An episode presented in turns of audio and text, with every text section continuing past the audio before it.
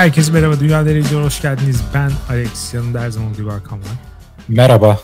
241. bölümümüzde sizlerleyiz. Geçtiğimiz bölümün konusu Chat GPT idi.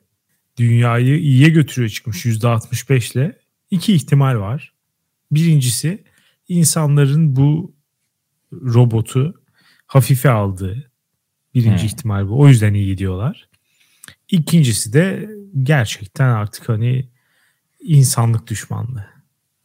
İnsanlar insanlardan bıktı. Bunu da kabul edelim. Fazla iletişiyoruz birbirimizle. Biraz da daha kontrollü, diyaloğun bizim kontrolümüzde ilerlediği ilişkiler arıyoruz galiba. Evet ama her türlü ciddi bir yani bu programı yaptıktan sonra da ben ChatGPT'nin potansiyelini her gördüğümde hayrete düştüm ve daha da fazla korktum. Daha da muhafazakarlaştım. Şu an yani OpenAI e, merkezine gidip fişini falan çekmek istiyorum. Umarım yapmazsın.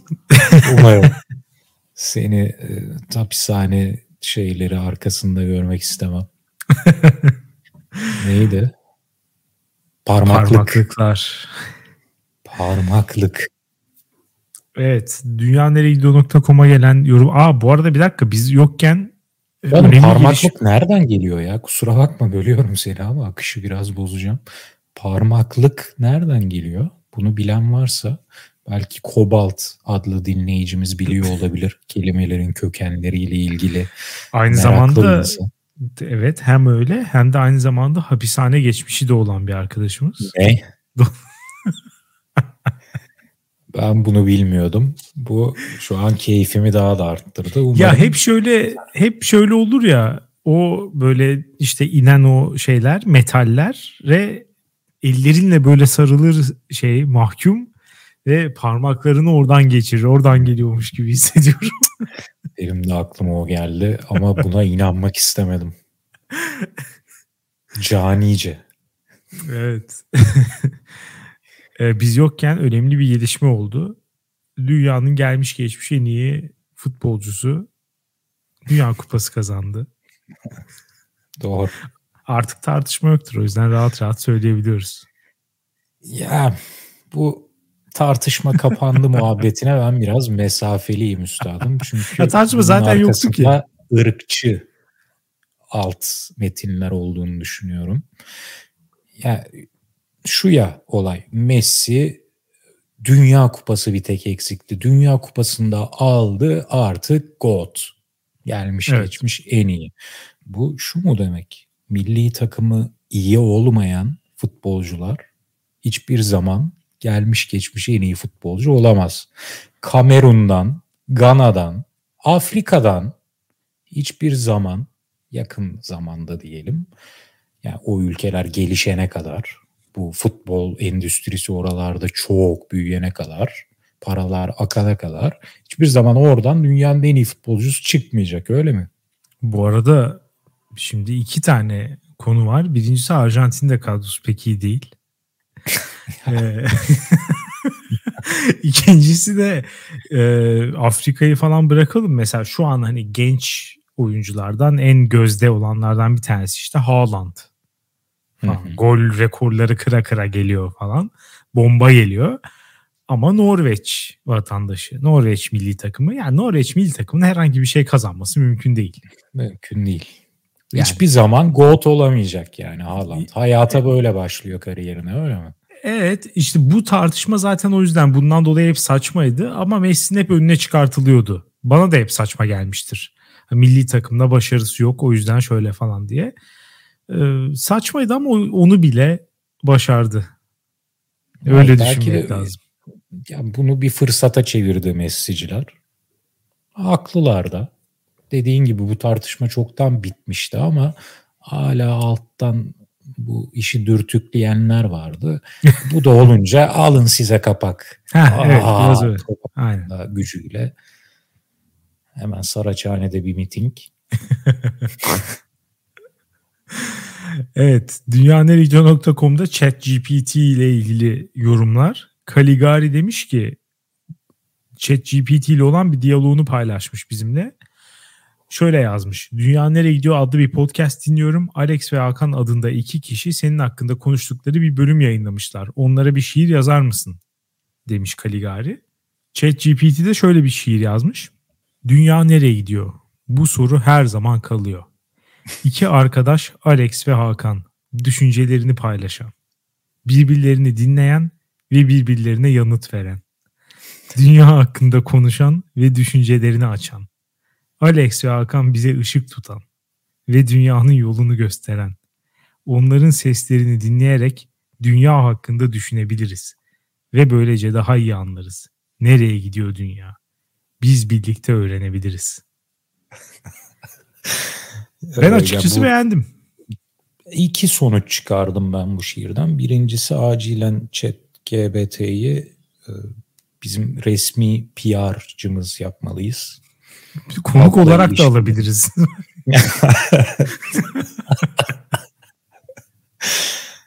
bu konuda iyi anlaşılan e, fakat iki de şairler rahat olabilir. Yani onların mesleği henüz tehlikede değil. Ama birkaç tane e, güzel e, şeyde yapmış, tahminde yapmış. Yani bizim arkadaş olduğumuzu bilmiş mesela.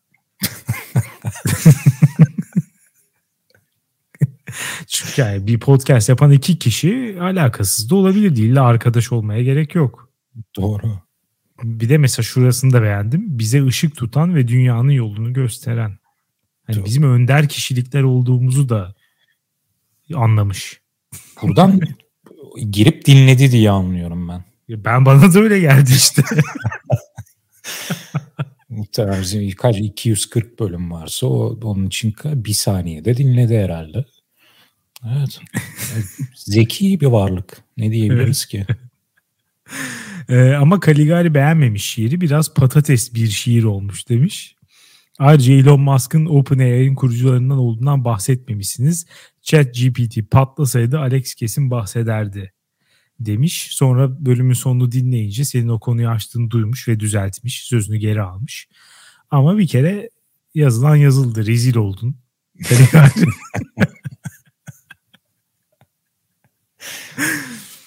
Shame. ya Elon Musk da bu arada hakikaten yani bu aralar e, konuşulmayacak gibi değil ama tutuyorum kendimi. belki belki e, 2023'te son bir bölüm yaparız bilmiyorum. Reloaded'dan sonraki neydi? Revolution. Revolution demek zorunda galiba. Sevgili Çakır demiş ki Hakan ahlaki parametreler konusunda çok haklı. Siteyi açar açmaz çıkan ilk mesaj kutularından birinde uygunsuz talepleri reddetme konusunda eğitilmiştir yazıyor.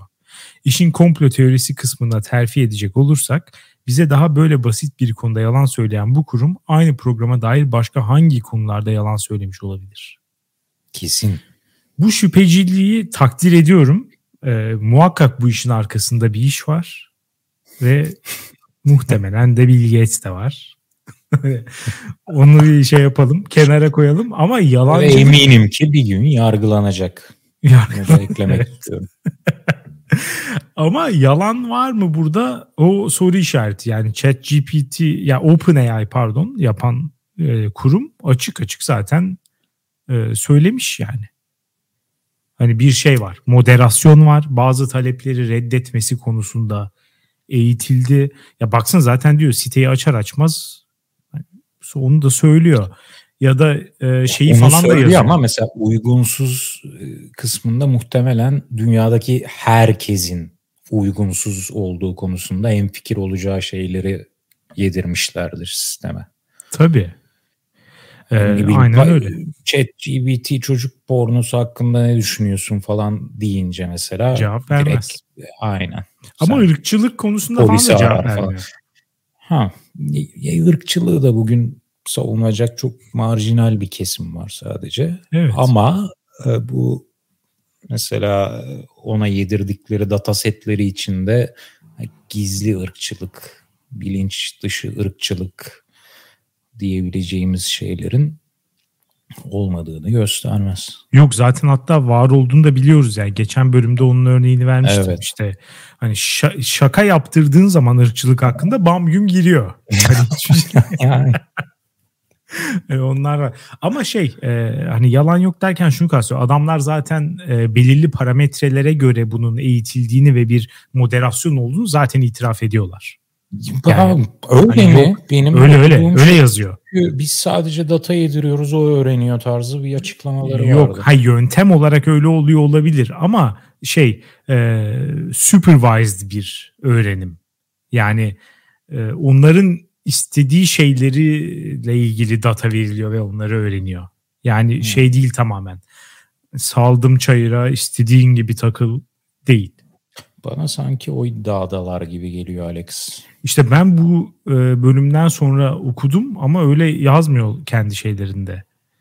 Hani şey yazıyor. Bu pekiştirilmiş öğrenme. Yani bazı şeyleri öğrendiği için ona hani sanki bir ödül mekanizması tanımlama ya da işte e, ya, yönlendirme onu bazı şeylere falan. Ço- çocuk pornosunda bu okey ama mesela kürtaj konusunda onu yönlendirdik diyorlar mı?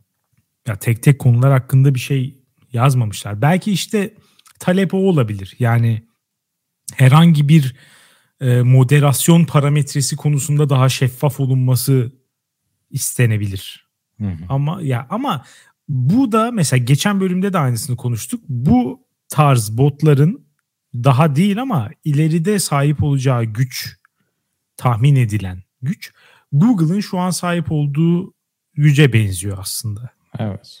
Ve Google bun, biz, bize bir açıklama yapıyor mu? Hani neye göre filtrelediğine dair falan. Hiçbir şey söylemiyorlar. Hı. Yani bir hesap verilebilirlik şey yok. Belki mesela bu güçler eğer el değiştirecekse o el değiştirme aşamasında belki bunları talep etmek bizler açısından en mantıklı şey olabilir. Yani internet kullanan insanlar açısından iyi bir şey olur. Yoksa tamamen bizim kontrolümüz dışında birileri e, kafasına göre, kendi görüşüne göre ya da belki işte o para kazanıyorlar bundan vesaire. Yani şunlar da var ya sonuçta Amerika'da lobi kurumları çok kuvvetli. Belki mesela şunlar da olabilir. Adam gelir 100 milyon dolar verir. Chat GPT bir anda mesela bireysel silahlanma yanlısı olur. yani. Çok mümkün. Yani evet hani bunlar olmaması için e, biraz şeffaflık çok iyi olur. yani. her alanda, hayatın her alanında. Evet. evet. Ee, sevgili Nebuk demiş ki bende Stalker'dan bol ne var?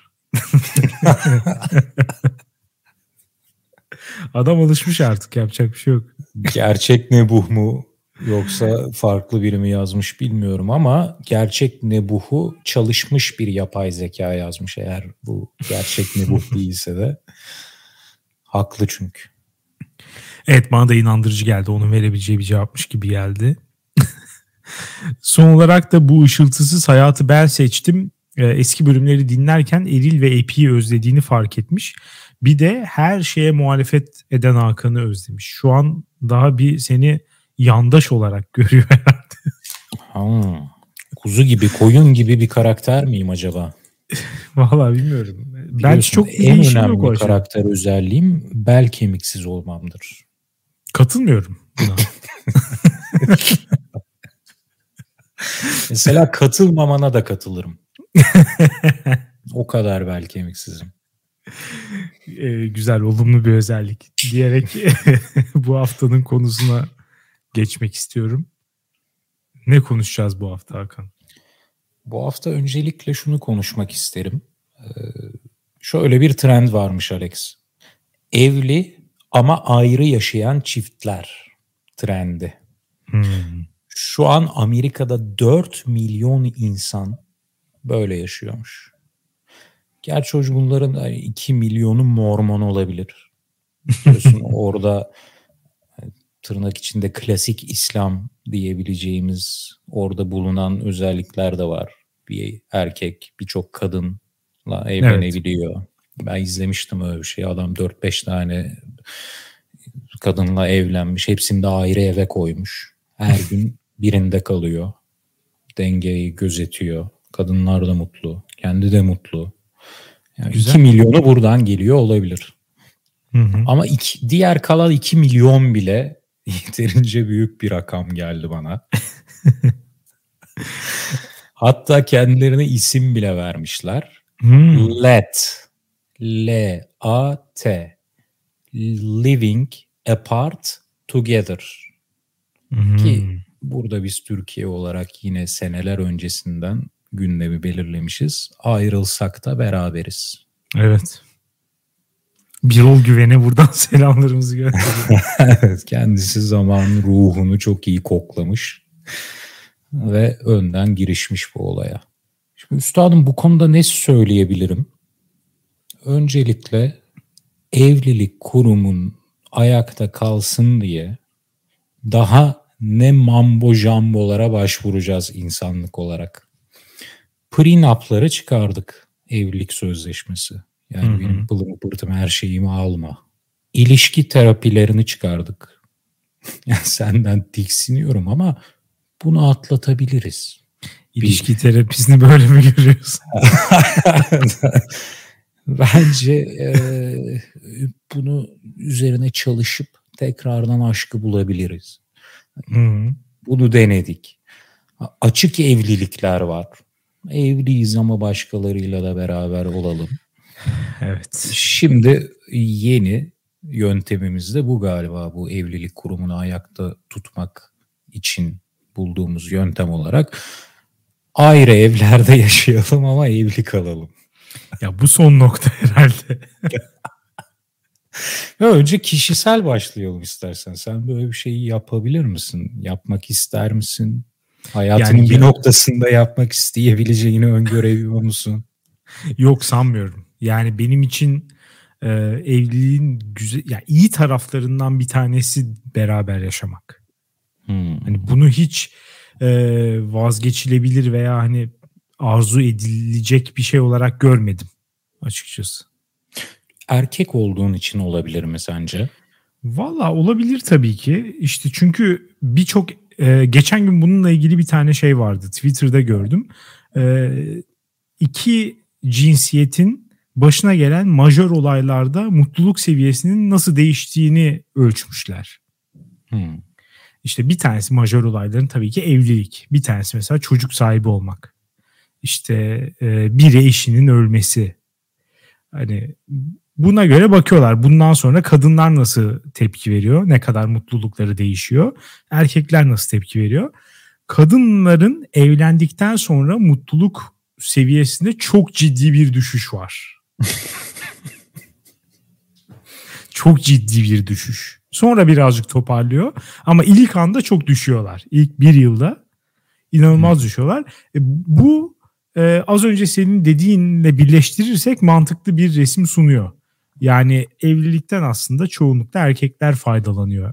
Özellikle e, hani Türk tipi klasik evlilikten bahsediyorsak hani normal şartlarda e, ayrı hayatlar izliyorsun ama birbirini seviyorsun, sevgililik ilişkin var.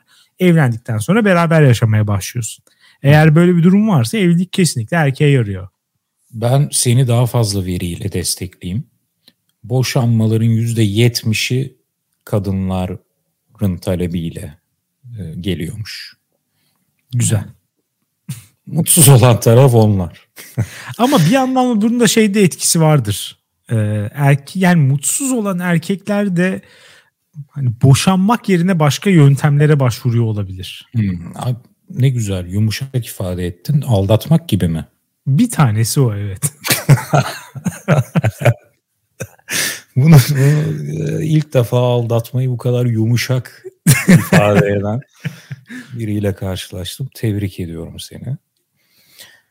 %70 kadınlardan geliyor boşanma. Bir veriyle daha destekleyeyim. Hı hı. Geçen gün bu konuyu anne ve babamla bir sohbette açtım. Dedim ki bu evli ama ayrı evlerde yaşayan çiftler olayı çok büyük bir trendmiş. Sizce nasıl bir şey bu dedim. Annemin yüzünde gülücükler açtı. Annemin hayatına bahar geldi. Dedik ben ben de bunu destekliyorum ya. Bu olmalı. Babamdan cevap yok. O da dedi ki evet o da onu istiyor ama hani evden kim gidecek onu kararlaştıramıyoruz tarzı. ya belki yani. evet belki özellikle uzun süre aynı evde yaşadıktan sonra şeyler birikiyor olabilir. Bir de tabii bizden önceki kuşakların evliliğinde bugünkü kadar özgürlük de yoktu. Hı. Yani insanlar birbirine bu kadar fazla mesafe ve yani kişisel hayatta özgürlük vermiyorlardı. Evet. Biraz ha babam birlikte takılma zorunluluğu da vardı. O insanları yıllar içinde bunaltmış ve artık yeter dedirtmiş olabilir. Yani bu gerçekten bir ihtimal. Doğru. Zaten bu akımın artmasının sebebini yine bu aralar olan her şeyi bağladıkları gibi pandemiye bağlayanlar da var. Pandemide aynı evde yaşayınca kadın erkek e, ya üstadım mola veriyorum. Bak pandemiye bağlamanın bokunun çıkmasının örneğine bak. Şu ikisini de diyenler var. Biri pandemide kadın erkek aynı eve tıkıştı ve kadınlar e, evin yükünü, ev işi yükünü erkeklerle eşit paylaştı. Sonra pandemi bitti. Pandemi bitince erkekler anında saldı evde destek olmayı. o yüzden kadınlar da dedi ki ya ulan böyle şey mi olur ya ben gidip kendi ayrı evimde yaşayacağım yani. Bana yaptığı şeye bak evin yükünü ben mi çekeceğim dedi diye açıklama var. İki, şunu da diyen var. Pandemide erkeklerin evde ne kadar az işe yaradığını gördü kadınlar. Ve o yüzden ya ben niye aynı evde yaşıyorum ya? Gideceğim başka evde yaşayacağım kardeşim. Dedi ya pandemi artık bu kadar her şeyi bağlamayalım. Bağlamayalım çıldıracağım. Ya evet orada bir şey var gerçekten. Bir konsept popüler oldu diye her şeyi o bohçanın içine tıkıştırma olayı maalesef var. Evet. Bana da saçma geliyor. Her ee, türlü ama mı? ya tabii ki ama çok normal değil mi öyle olması?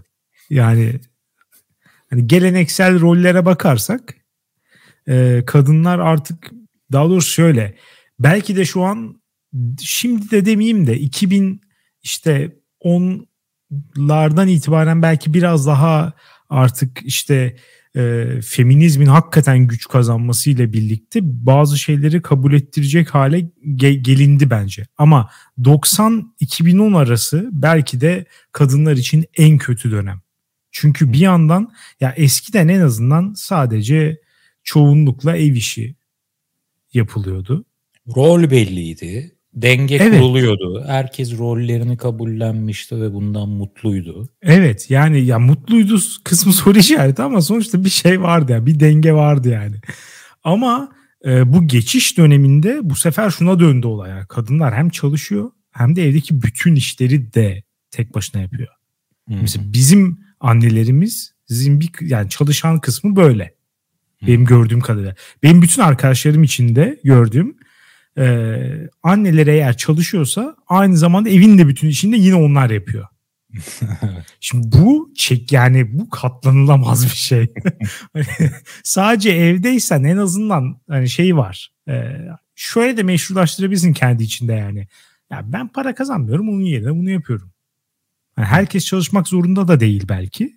Ya bu rolü ister kabul et ister hani istemeden gelmiş olsun ama meşrulaştırabiliyorsun en azından kafada. Öbürünün hiçbir açıklaması yok. yani, o her türlü fiyasko. Ee, o yüzden şimdi de sanki bir tık daha işte her yerde iş bölümü. Hani herkes çalışıyor. Herkes ev işi yapıyor. Ee, yine muhakkak işte kadınlar %60-40 falan belki ya da 70-30. Ama en azından biraz ileriye şey var. Hani eşitliğe doğru gidiş var. Önümüzdeki dönemde muhtemelen bu giderek daha da dengeye oturacaktır gibi geliyor şu an. Evet ama o dengeye oturuşta artık evlilik kurumu kalmayacak diye düşünüyorum Alex. bu kurum niye adını doldurdu. Yani inan burada ne negatif ne pozitif ne yaklaşıyorum evliliğe. Yani hiç öyle bir duygusal yaklaşımım yok sadece bir adım geri atıp bakıldığında evlilik kurumu bitti artık tarih sahnesinden silindi. Ama tabii ki artçıl şokları devam edecek. Ya buna dair evet çok işaret var gerçekten. Bana şöyle geliyor üstadım. Bilim tarihinde özellikle e, fizik diyelim. Fizik bilim dalı olarak tarihine baktığında belli başlı dönemlerde bazı teoriler dominant hale geliyor. Onlar kanon oluyor. Mesela zamanında Tölemi varmış. Dünyanın evrenin merkezi olduğunu açıklayan bir teori yazmış. Hı hı. Sonra yavaş yavaş sorunlar birikmeye başlıyor. Görebildiğin şeyler, yaptığın deneyler o teoriye uymamaya başlıyor. Ve teoride güncellemeler gerektiriyor. Bunlar kriz zamanları.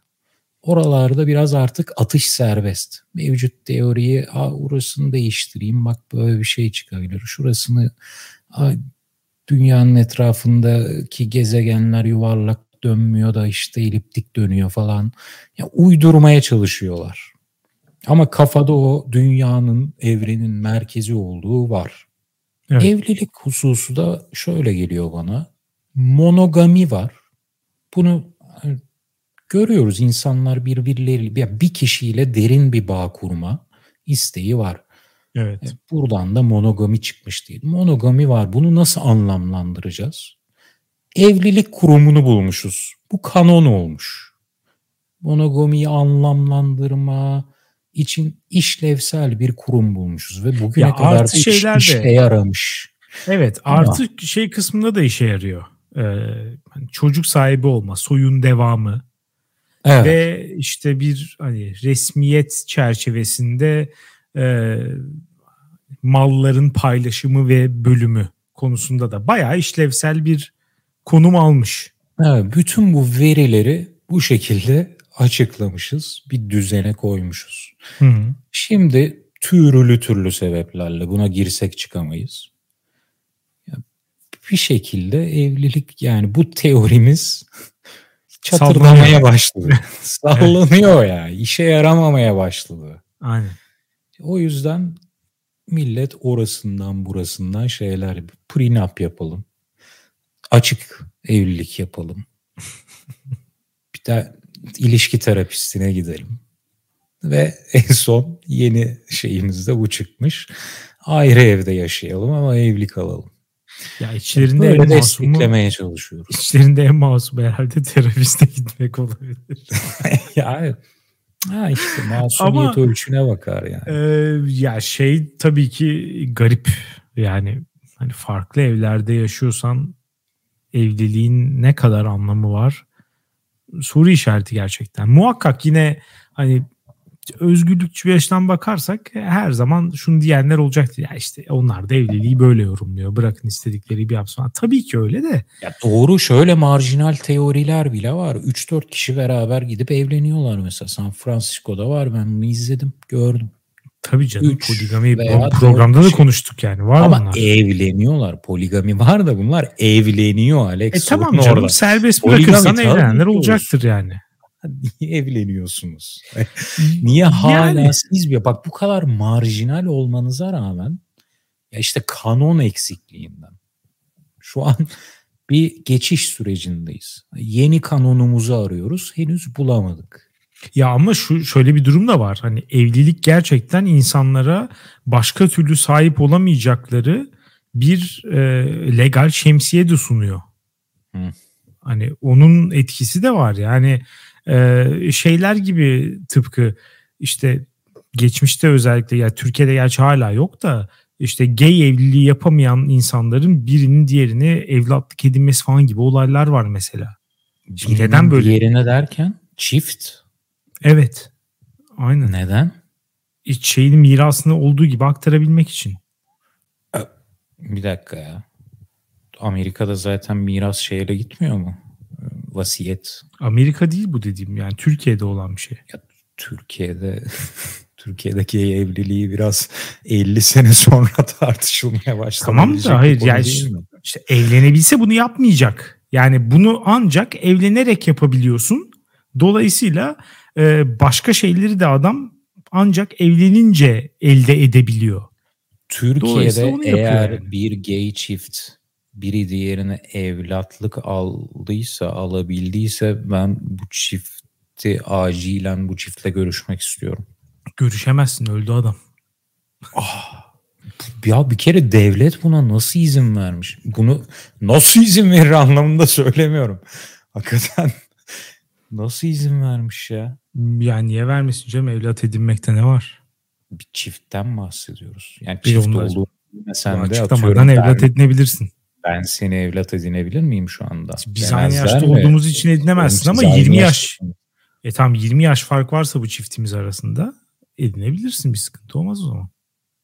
Ve 18 yaş altı değil evlat edindiği. Yo hayır canım yaşlı zaten bu insan yani. Çok ilginç bir vakaymış. Bunu ayrıca konuşalım detaylarını iyilerim. Yani sonuç olarak hani evliliğin e, bir sürü pratik ve hukuki faydası da var. Hani insanlar onları da arıyor gerçekten. Evet ama, ama işte bazıları aramasa da yeni. bazıları aramasa da şey yapıyor. Ee, yine de hani bir hani kültürel olarak da insanlar evlenmek de istiyor bence. Daha meşru bir ilişki türü. Ee, hani toplumsal şeylere, normlara göre de öyle. Evet, Dolayısıyla... geçiş sürecindeyiz çünkü şu an bir kriz içindeyiz. Bu monogam üreme olaylarını ve bu bahsettiğin legal şemsiyeler, pratik kaygılar ya bunları henüz evlilik kurumu haricinde çok iyi düzenleyip anlamlandırabilecek bir teori bulamadık. O çerçeveler Biz... zaten oturacaktır yani. O ikisi zaten beraber gidiyor. Yani toplumsal olarak da böyle bir talep olduğu zaman yıllar içerisinde e, hani resmi hukuki yapı da buna ayak uydurmak zorunda kalacaktır. Bazı ülkelerde bunlar var. Hani partner sözleşmeleri, evlilikten ilgisi yok. Ee, hani sadece partnerlikle ilgili şeyler var. Ama hani mevcut yapıda bakarsak ya kardeşim yani ayrı evde yaşıyorsan da bilmiyorum evlenmek ne kadar mantıklı.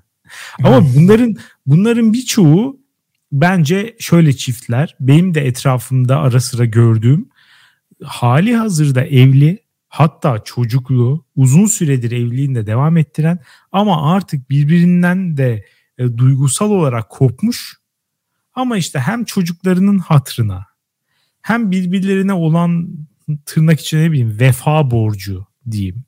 Hmm. Çünkü şimdi boşanmak da bir mesele ya. Yani e, şöyle söyleyeyim. Ben e, 60 yaşıma geldim diyelim ki eşimle de 30 yıldır 40 yıldır evliyim. Tamam mı? Hı Aramızdaki hani romantik sevgi bitti. Ama iki tane çocuğumuz var. Biri işte 25 yaşında biri 18 yaşında bilmem ne. Şimdi böyle bir durumda ben yine de boşanmak istemem artık. Peki yani hocama. Anlatabildim mi demek istediğimi? Artık hocama. böyle şey gibi hani boşanmak da bir statement böyle. Hani Hı. aramızda sanki bir bozukluk var gibi. Ama aslında hani o da yok. Ama gerçek bir evlilikte kalmamış. Bence bu işte 4 milyon insan var dedin ya böyle. Bunların sanki önemli bir kısmı böyle olabilirmiş gibi geliyor. Hmm. Peki ama orada hocama yani 60 yıllık evli olduğunda bu arada iyi bir senaryo kuruyorum. Hala hocamla berabersin evet. diye düşünüyorum. Hocama bir free pass verir misin? Başkalarıyla da romantik bir şeyler yaşayabilirsin. Tamam biz artık aramızdaki romantik şey öldü. Ama yine de birbirimiz yani artık kadar senedir beraberiz. En yakın arkadaşız yani. Hayatımdan da çık istemiyorum. Ya evet böyle bir durumda bence zaten öyle bir hani söz hakkının olduğunu zannetmiyorum artık olay buraya geldiyse eğer. Hmm. Ya karşılıklı olarak böyle bir anlaşma varsa e, hani onu da salmış oluyor bence insanlar bir miktar. Sadece bu spesifik durumdan bahsediyorum tabii ki. Ama bu o zaman sen, o zaman çok çift bu, duydum ayrı evde yaşama olayını yapanlar genelde yaşlılar. Bu dönemin yaşlıları diyorsun yani. Olabilir mi acaba diye şüpheleniyorum. Çünkü böyle çok fazla çift duydum. Yani sadece hani boşanma gibi böyle hani antagonize edecek bir şeyi de içine girmemek. Hani o sürecin de bir çekişme içine girmemek isteyenler ama artık birbiriyle yaşayacak kadar da birbirlerine bir aşk, sevgi duymayan insanlar. Yani evliliğini bozmadan kendi hayatlarına bakıyorlar artık. Böyle de çiftler var. Gördüm ben de. Yani hani bunu nasıl yaparsınız diyesim de gelmiyor ya. Mantıklı geliyor yani. Belli bir yaştan sonra boşanmak falan da ağır bir şey gerçekten ya. Düşünsene yani 30 yaşında çocuğun var sen 60 bilmem ne yaşında boşa. Yani hakikaten ben de yapmak istemeyebilirim. Ayıp değil Yaşından de. başından utandı. bu kardeşim bu yaşta da boşanılır mı ya? ya öyle değil ama işte bilmiyorum ya hissiyat çok şey artık böyle. Hani o aile olma hissi e, o boşanmanın önünde bir engel oluyor. Çünkü ya evlilik nasıl bir şeyse hani gözümüzde bir manevi değeri varsa boşanmanın da aynı şekilde onu iptal eden bir değeri var. Hani onu da belki yaşamak istemiyorlar. Hani aile olarak kopmuş gibi olmak istemiyorlar.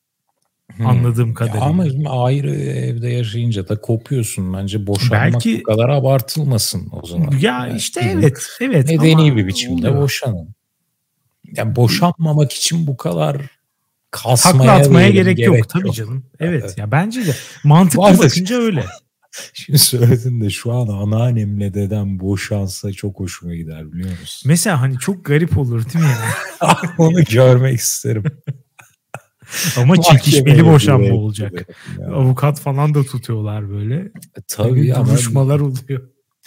Tek sorun dedem şu an part time ahirette yani o olayı algılayamaz muhtemelen. O zaman anneannen kazanır davayı. Anneannem de boşandığını unutur muhtemelen boşandıktan sonra. Ama boşanırken orada olup isteyeceğine eminim. Zaten unutabilir. Böyle şeyler olabilir. İnsan boşandığını unutabilir. Mümkün canım. Hayatta hepsi ihtimal. Valla bilmiyorum ne kadar liberal yaklaşırsam yaklaşayım bana evliliğin en büyük avantajlarından bir tanesi aynı evde yaşamakmış gibi geliyor. Ee, dolayısıyla ilerleyen yani senelerde bu bu soruyu tekrardan ben gündeme getireceğim sana. Bana işte belki de hocana gündeme getirirsen daha da İkinize birden.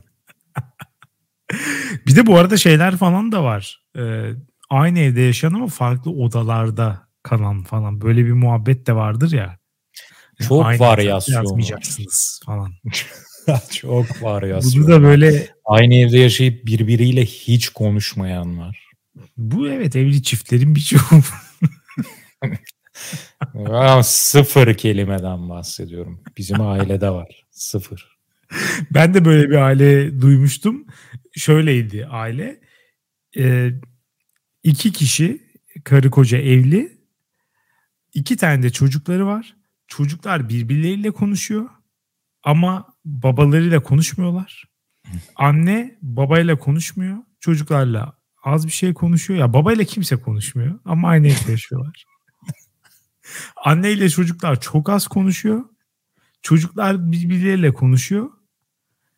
Böyle bu şekilde yaşıyorlar yıllarca. Nasıl olur? Bizimkini de söyleyeyim.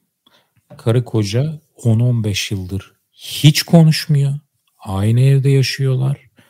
Erkek bizim ailenin tipik erkeklerinden biri olarak yalnız başına var olamayacak bir erkek. Hmm. Yemeği, içmeyi, bir şeylere. Mesela yemek istiyorsa evde çocuk varken çocuğa söylüyor. Karısı yan koltukta. Çocuğu, çocuğu annesine söylüyor. Böyle anlaşıyorlar. Beraber akraba ziyaretleri yapıyorlar ama hiç konuşmuyorlar.